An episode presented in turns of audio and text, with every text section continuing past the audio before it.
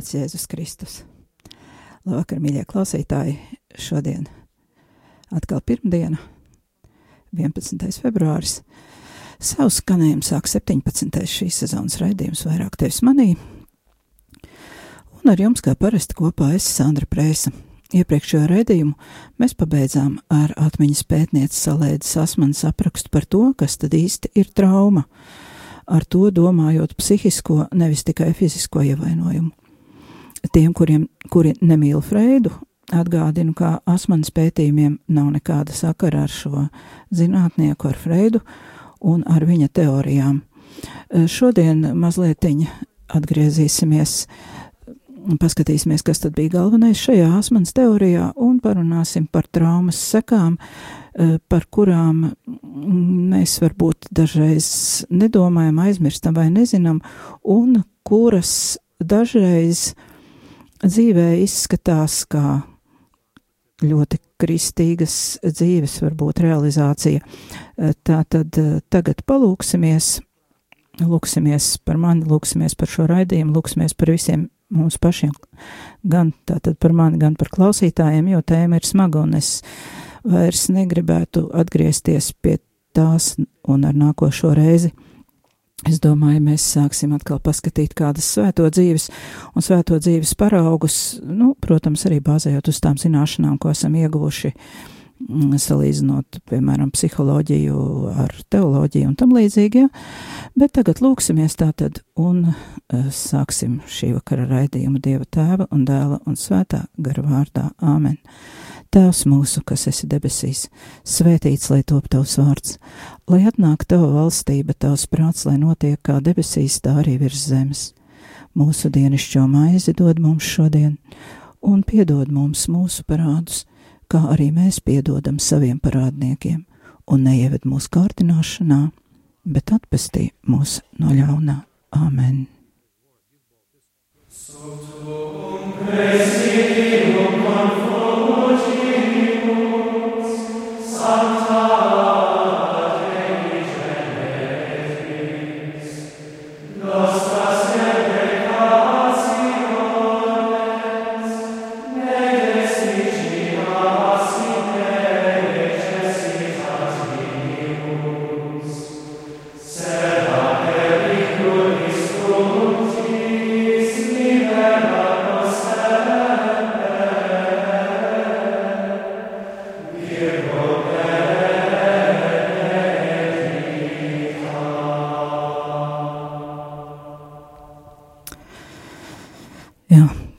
tavā patvērumā steidzamies svētā dieva dzemdētāja, tā mēs lūdzāmies kopā ar Dominikāņu brāļiem latīņu valodā.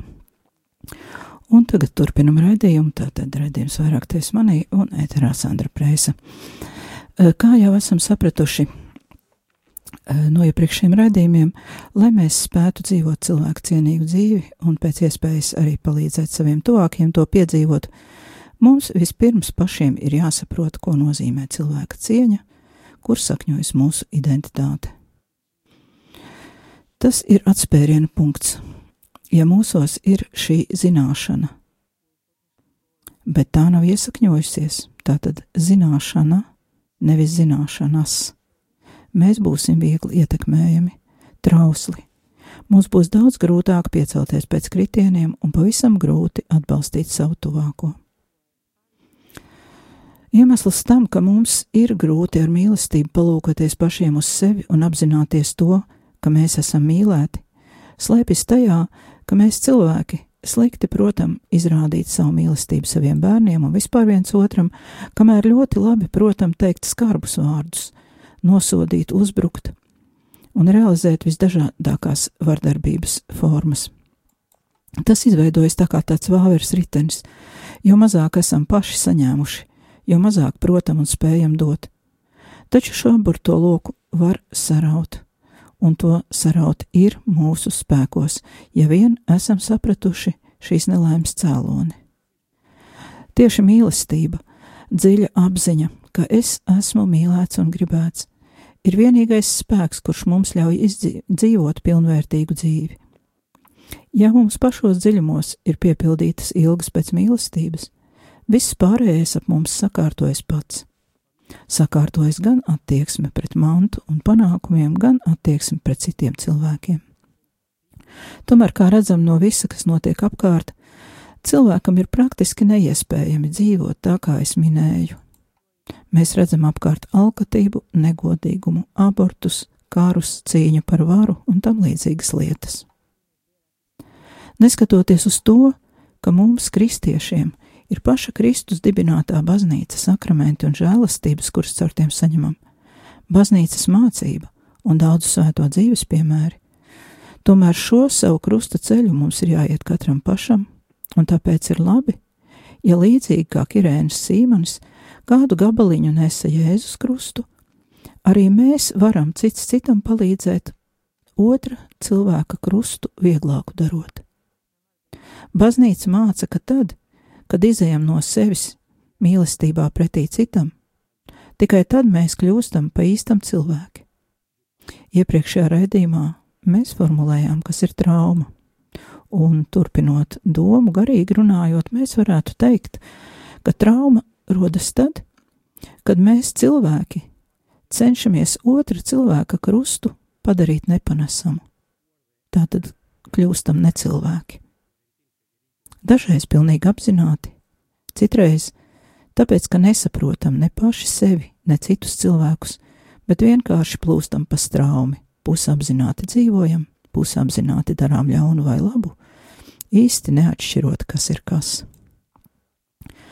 Protams, ka šis te bēdu stāsts, ko es nu pat aprakstīju, uh, lai gan attiecas noteikti kaut kādā veidā uz mums visiem, ir, kā lai saka, Kristū nomiris pie krusta, un tādēļ mums, kristiešiem, ir kāds, kas mūs mīl, ir kāds, kurš apliecina mums šo mīlestību, un tieši tādēļ es iepriekš apgalvoju, ka mums ir iespējams izrauties no šā aburtā loka, kas ir nemīlestība, no šā aburtā loka, kurā mēs paši jūtamies nemīlēti, mēs nespējam dot citam mīlestību, mēs nespējam pieņemt no cita mīlestību. Būtībā ar Kristus spēku mēs varam no tā izrauties. Es neesmu pārliecināta, ka to var izdarīt cilvēks, kurš nepazīst Kristu tikai ar kādu psihoterapijas vai pašhipnozes palīdzību vai ar kādu citu vingrinājumu. No tā patiešām no šī mīlestības trūkuma mūs var izglābt vienīgi Kristus, un tādēļ mēs varam diezgan droši apgalvot, ka katram cilvēkam šis ceļš ir pieejams. Katram, kurš grib attiecības ar Kristu, kurš veido attiecības ar Kristu lūkšanā un stāv atvērtām rokām, lai saņemtu mīlestību un tai noticētu. Tātad eh, tālāk par to, kam būtu jāpievērš uzmanība no tā, ko runājām iepriekšējā raidījumā attiecībā par traumu. Tātad Alēda Asmane runā kā atmiņas pētniece. Viņa runā par traumu kā par psihisku brūci, kur nostāda ārstus mīklainu simptomu priekšā. Savukārt mūsdienu medicīnas nozara, kur vispārīgi dēvē par neirozinātnēm un kura pēta smadzeņu darbību ar ļoti mūsdienīgām metodēm, ir nākusi pie secinājuma, ka psihiska trauma rada reālus fiziskus bojājumus smadzenēs. Mēs vienkārši tos neredzam. Tā var būt gan neironu saišu vai pat atsevišķu smadzeņu daļu daļēji noārdīšanās, vai arī jaunu traumatiskās pieredzes ietekmē radušos neironu saišu veidošanās, kuras liek cilvēkam izturēties neatbilstoši patreizējai situācijai, un šāda trauma var pilnībā mainīt cilvēku, visu viņa, viņa cilvēku uzvedību, viņa personību. Un par tādām lietām, ja jūs vēlaties vairāk uzzināt, eh, ir iznākušas vairākas labas grāmatas. Viena no tām latviešu valodā autors ir Daniels Sīgels, un grāmatas saucas Apzinātība. Bet tā nav tā apziņotība, par kuru mēs iepriekš runājām. Tā nav tā apziņotība, kuru māca sektanti pa labi un pa kreisi šobrīd. Daniels Sīgels ir psihoterapeits Amerikā, un viņš apraksta savu psihoterapeita praksi. Un uh, viņš to apraksta tādā veidā, lai šī grāmata varbūt arī kādam lasītājam varētu palīdzēt, vai nu pavisam atbrīvoties no savām problēmām un traumu sekām, vai vismaz saprast, kas ar viņu notiek un meklēt ārsta palīdzību. Tātad otrā lieta Psihisku traumu izraisa vardarbība, kura ir apdraudējusi dzīvību un dziļi ievainojusi dvēseli. Šādu pieredzējumu smagums pārvar uztveres aizsardzību pret kairinājumu un tos svešādumu un personas identitāti apdraudošā rakstura dēļ psihiski nav iespējams pārstrādāt. Tāds sarežģīts teikums, tas ir nolaidis asmens.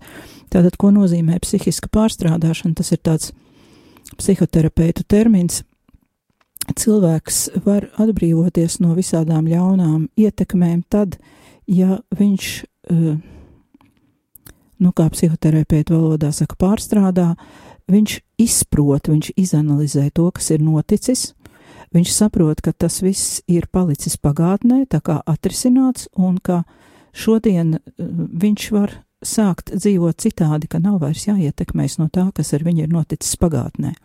Jā, tā tad tā, tā īsumā runājot, to sauc par to pārstrādāšanu. Un kāpēc cilvēks nevar pārstrādāt eh, šīs te traumas pieredzi? Eh, tādēļ, kā, kā Alēda Asmana min, eh, tās, tā pieredze ir pārāk smaga un neizprotama cilvēkam konkrētajā situācijā. Vai nu tas ir bērnam, kurš nesaprot, vienkārši viņam nav tādas pieredzes un zināšana, lai viņš spētu vārdos ietērpt to, kas ar viņu notiek, lai viņš spētu vispār apjēgt kaut ko no pieredzes, kas tā par situāciju. Un tādēļ bērnu traumēt ir visvieglāk, jo dažreiz bērnu traumē situācijas, kuras pieaugušo netraumētu. Bet tieši tāpat var būt arī tas, ko mēs runājam par narcisiem, piemēram, narcistisks uzbrukums, parasti ir negaidīts un parasti ir no cilvēka, kurš līdz tam ir izrādījis it kā pieķeršanos, mīlestību, cieņu un visu to labāko, un arī šādā gadījumā smadzenes nespēja aptvert un sagramot, kā saka, to informāciju, ko viņas saņem, ka tas pats cilvēks pēkšņi ir pārmainījies par 180 grādiem pretēji un dara pilnīgi pretējas un ļaunas lietas. Tātad, ko Asman tālāk saka, lai cilvēks pēc šāda nos, notikuma spētu izdzīvot, tiek izmantots psihisks aizsardzības mehānisms, kuru psihiatri sauc par disociāciju. Vienkārši runājot, atmiņā šis gadījums vairs neparādās, bet neredzamā veidā turpina ietekmēt cilvēka dzīvi. Trešā lieta, kas būtu jāatceras un jāzina, ASV ir tikuši veikti pētījumi, kur pierāda, ka senas traumas turpina ietekmēt cilvēku dzīvi. Tā var būt, kā saka Asmane, gan holokausta traumas, gan seksuālas izmantošanas sekas, gan karš. Kā traumējušus faktorus šeit mēs varam pievienot arī bērnībā piedzīvot mīlestības trūkumu vai tiešas nemīlestības izrādīšanu, kura bērnam ir nepārstrādājama viņa jaunības pieredzes trūkuma dēļ, un arī, saprotams, ir iemesls, ka bērnam vecāki ir paši tuvākie cilvēki, no kuriem viņš gaida mīlestību, aizsardzību, un no kuriem viņš ir fiziski atkarīgs, fizioloģiski atkarīgs, viņš nevar izdzīvot bez vecākiem. Un, ja vecāki dara pretēji tam, ko bērns gaida no viņiem un ko viņam ir tiesības gaidīt. Mm, tā tad rodas šī nepārvaramā, nesagramojamā, nepārstrādājamā trauma, ja?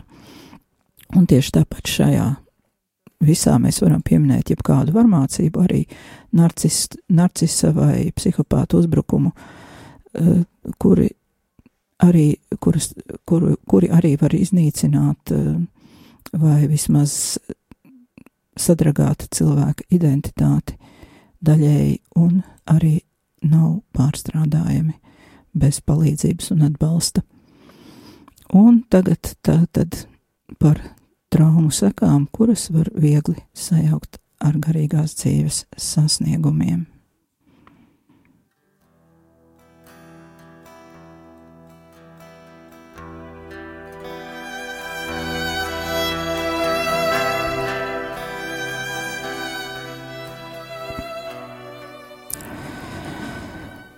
Pirmais - Stokholmas sindroms. Nezinu, vai esat par tādu dzirdējuši, bet uh, tas ir uh, tāda parādība, kura ir novērota traumatiskās attiecībās.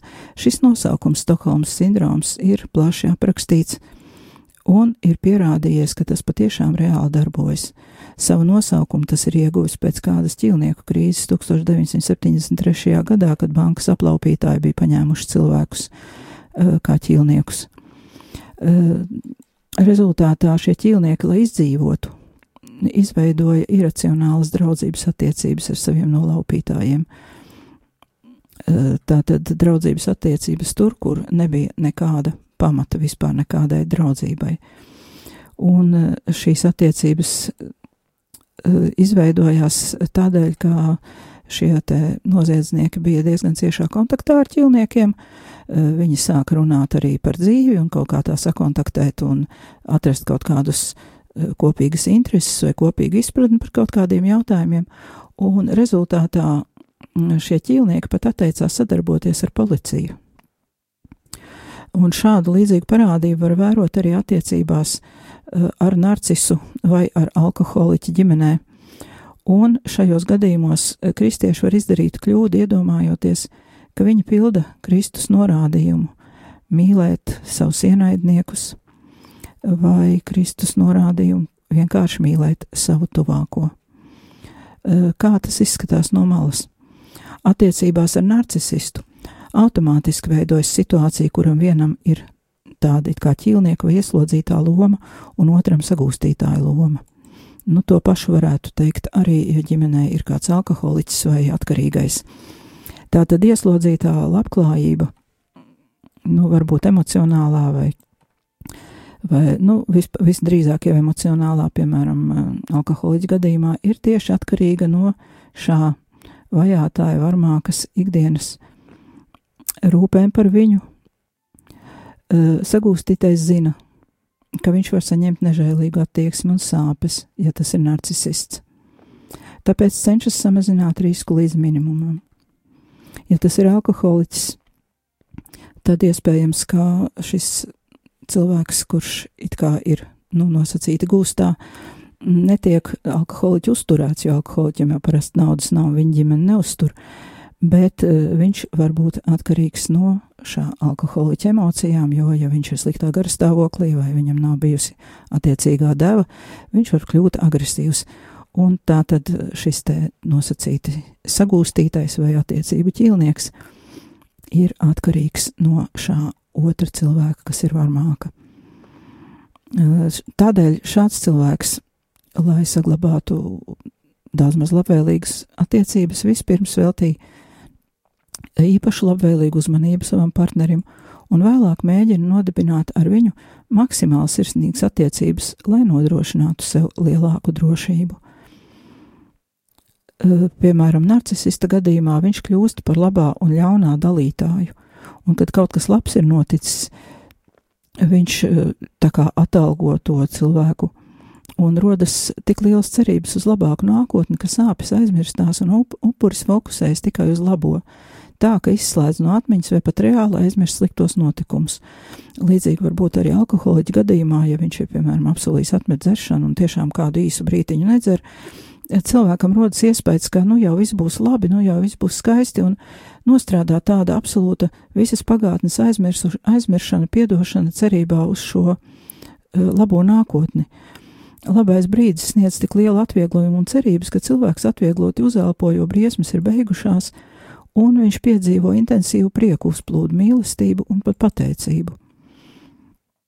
upuri, kuri cieši no Stokholmas sindroma narcisista vardarbības dēļ, parasti ir it kā nošķirti no reālās dzīves, kura notiek ap viņiem, un ir iegremdēti narcisa pasaulē un aizņemti ar viņa prasību un vajadzību apmierināšanu. Un noteikti arī atkarībnieku situācijā varētu būt līdzīgi. Bieži vien tas notiek pašizolācijas rezultātā, kur ir izvērē, izvēlējies upuris, jo šajās attiecībās ir zaudējis pašvērtību, pašcieņu. Viņš jūt dziļu iekšēju kaunu par šo situāciju un negrib to rādīt pasaulē, jo, jo tā var uzdot konfrontējošs jautājums attiecībā uz upura uzvedības izmaiņām, uz iepriekšējo interešu zaudēšanu, uz saišu saraušanu ar draugiem un ģimenes locekļiem, kas neizbēgami sekoja cilvēks atrodas šādās attiecībās. Protams, upuris negrib eh, saniknot savu partneri, narcisu vai atkarīgo, un eh, viņš negrib arī izrādīt, eh, ka viņam varbūt interesē kaut kas cits vairāk nekā viņa partneris. Stokholmas sindroma cilvēks izjūt kā mīlestību, jo viņš ir tik dziļi piesaistīts savam partnerim emocionāli, un dažreiz arī izdzīvošanas dēļ, ja gadījumā narciss ir tas cilvēks, kurš uztur ģimeni. Uh, upuris var būt arī bērns, kurš ir pieķēries savam varmācīgajam un vienaldzīgajam vecākam, cenšoties dabūt no viņa mīlestības un uzmanības druskas, kuras nepieciešams izdzīvošanai, un pieauguša un bērna uzvedība šādā gadījumā ir ļoti līdzīga. Lūk, šeit arī var būt situācija, kurā kristietis romantizē un garīgo šo situāciju, uzskata to par dievu dāvanu un turpina mocīt sevi un savus bērnus, un pie visa klāt vēl jūtas pildot mīlestības bausli. Ja atceramies kādu no iepriekšējiem raidījumiem, jau diezgan pasen mēs runājām par to, eh, kā katoliskās baznīcas katehisms gadījumā, ja laulības attiecībās izveidojas līdzīga situācija, pieļauj nevis laulības šķiršanu, bet tā saucamo separāciju, jeb dzīvi eh, nošķirtībā, dzīvi atsevišķi jo šādā situācijā nevajag meklēt mīlestības pazīmes. Tā nav mīlestība, tur, kur pastāv varmācība, tur nav mīlestības. Uh, un vēl viena lieta, kuru sauc par kognitīvo disonanci, jeb uh, tā varētu teikt, tāda prāta pretruna tā veidojas. Uh, tā ir spriedze starp divām pretējām domām vai viedokļiem. Vienkārši parastā dzīvē tas varētu būt tā, es gribu palikt mājās un atpūsties, bet uh, es esmu arī uzaicināta satikties ar saviem draugiem, un, nu, patiesībā jau es ļoti gribētu arī viņus satikt, un viņi grib mani redzēt, bet, nu, es tomēr esmu nogurus, un man tagad ir jāizdara šis lēmums. Un, lai es justos komfortabli, bez trauksmes saj, sajūtas, un nepiedzīvotu iekšēju kaut kādu kaunu vai pārmetumus par kļūdainu izvēli, izvēlei it kā ir nepieciešams pamatojums vai attaisnojums. Piemēram, šajā normālajā situācijā tas būtu pilnīgi, jāsaka, arī normāli cienīt savas vajadzības un neiet uz šo tikšanos, jo man ir nepieciešama atpūta. Un, ja ar manu pašapziņu viss ir kārtībā un šajā situācijā nav nekādu vardarbības elementu, tad šī izvēle neradīs nekādas problēmas. Es mierīgi palikšu mājās, atpūtīšos, un arī draugi man par to neko nepārmetīs. Uh, bet narcistiskas vardarbības rezultātā izvēle varētu izskatīties šādi. No vienas puses ir doma, šīs attiecības ir neizturams un vardarbīgas, un man tās ir jāpārtrauc, un pretējā doma, man ir jāpaliek un jāizdara mans darbs līdz galam.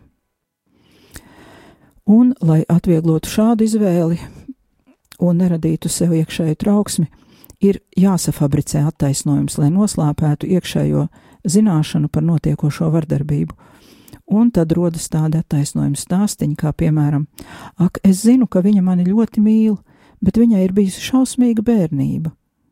Un tāpēc es viņu nepametīšu, bet palikšu ar viņu kopā. Jeb arī viņš tiešām ir jauks puisis, tā esmu es, kas ar savām problēmām viņu tādu padara. Vai arī, ja es viņu pietiekami stipri mīlēšu, es varēšu viņu izdziedināt. Un šis arguments jau izklausās ļoti, ļoti kristīgi, vai ne? Vai arī es esmu vienīgais, kas viņu saprot, es nedrīkstu viņu pamest, mans pienākums ir palikt ar viņu un mīlēt, cik vien spēju. Tātad, lai novērstu narcistiskās vardarbības kognitīvo disonanci, ir jāizveido milzīgi pārmērīgas kompensācijas par iemeslam, kādēļ šīs attiecības nevajag pāraut. Un, jā, šādu situāciju ļoti bieži arī jauc ar mīlestību, un šādi upuri, diemžēl, neko labu nenes. Par kritērijiem varētu izvirzīt to, eh, cik lielā mērā tas liek mums mainīt eh, savu dzīvi, cik lielā mērā tas ietekmē mūsu pašapziņu, mūsu identitāti un visu to, kas attiecas uz konkrēti mani personīgi, jo mēs nevaram atpestīt otru cilvēku, eh, zaudējot šajā procesā paši savu pestīšanu.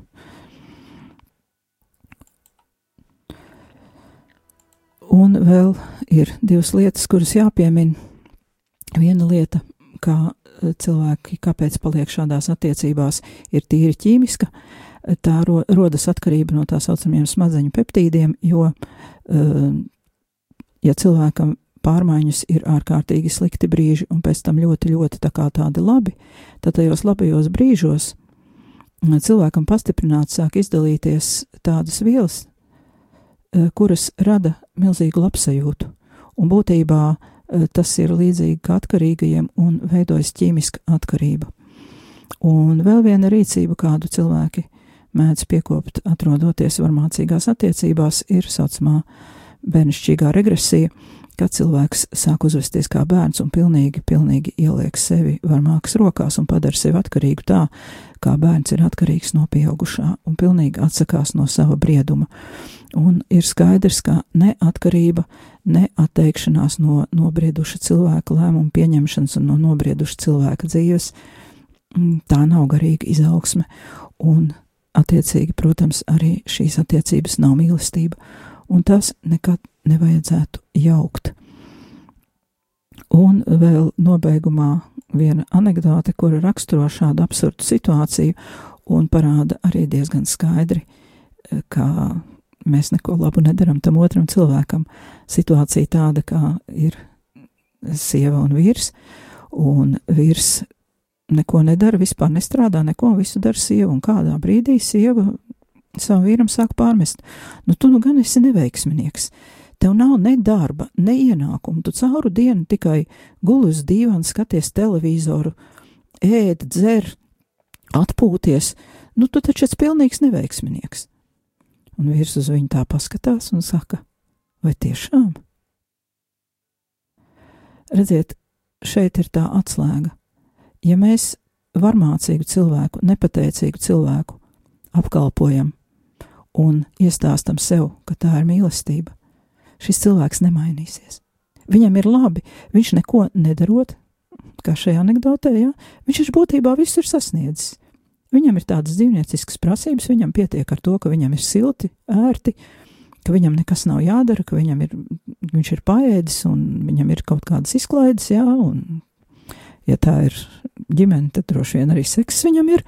Un tad kāpēc gan viņam būtu jāpiepūlās un kaut kādā veidā jāmaina sava rīcība, ja viņš jau to visu tāpat saņem, un tā nav mīlestība, un tajā nav nekā kristīga. Un tā tad pie tā mēs arī paliekam. Protams, es nedodu šeit šoreiz nekādas receptes, es tikai nosaucu situācijas, par kurām aicinu padomāt un meklēt katehismā, meklēt Jā, ļoti labi, starp citu, raidījumi, kur, kuri skan pirms šā raidījuma, uh, tie ir uh, Krievu raidījumi no Vatikāna radio, jo viņi skata tādu, viņiem ir tāda rubrika neērtie jautājumi, kurā viņi atbild uz tādiem jautājumiem, kurus mēs parasti vai baidamies uzdot, vai neienāk prātā uzdot, un šie raidījumi ir ārkārtīgi labi. Atkārtojumus mēs eh, radio neklausāmies, bet, eh, ja jūs vēlaties viņus atrast, tad Vatikāna radio mājaslapā Krievu valodā var atrast šo rubriku un izlasīt arī iepriekšējo raidījumu tekstus. Tie ir ļoti labi, iesaku. Tātad meklējam atbildes uz to, kas ir mīlestība un kas nav mīlestība. Un vēl uh, viena atsauce uz evaņģēlīju pašās beigās, tātad Mateja evaņģēlijas 5.44 kalnu svētības. Jēzus saka, bet es jums saku, mīliet savus ienaidniekus un lūdziet Dievu par tiem, kas jūs vajā. Mīlēsim ienaidniekus, lūgsim Dievu par tiem, kas mūs vajā, bet Jēzus nesaka, preciet viņus, dzīvojiet kopā, ļaujiet viņiem mocīt sevi un bērnus. Nē, lūdziet, mīliet no tālienes. Ar to arī šovakar beigsim un līdz nākamajai reizei. Paldies, ka klausījāties! Ar jums kopā biju es Sandra Preisa.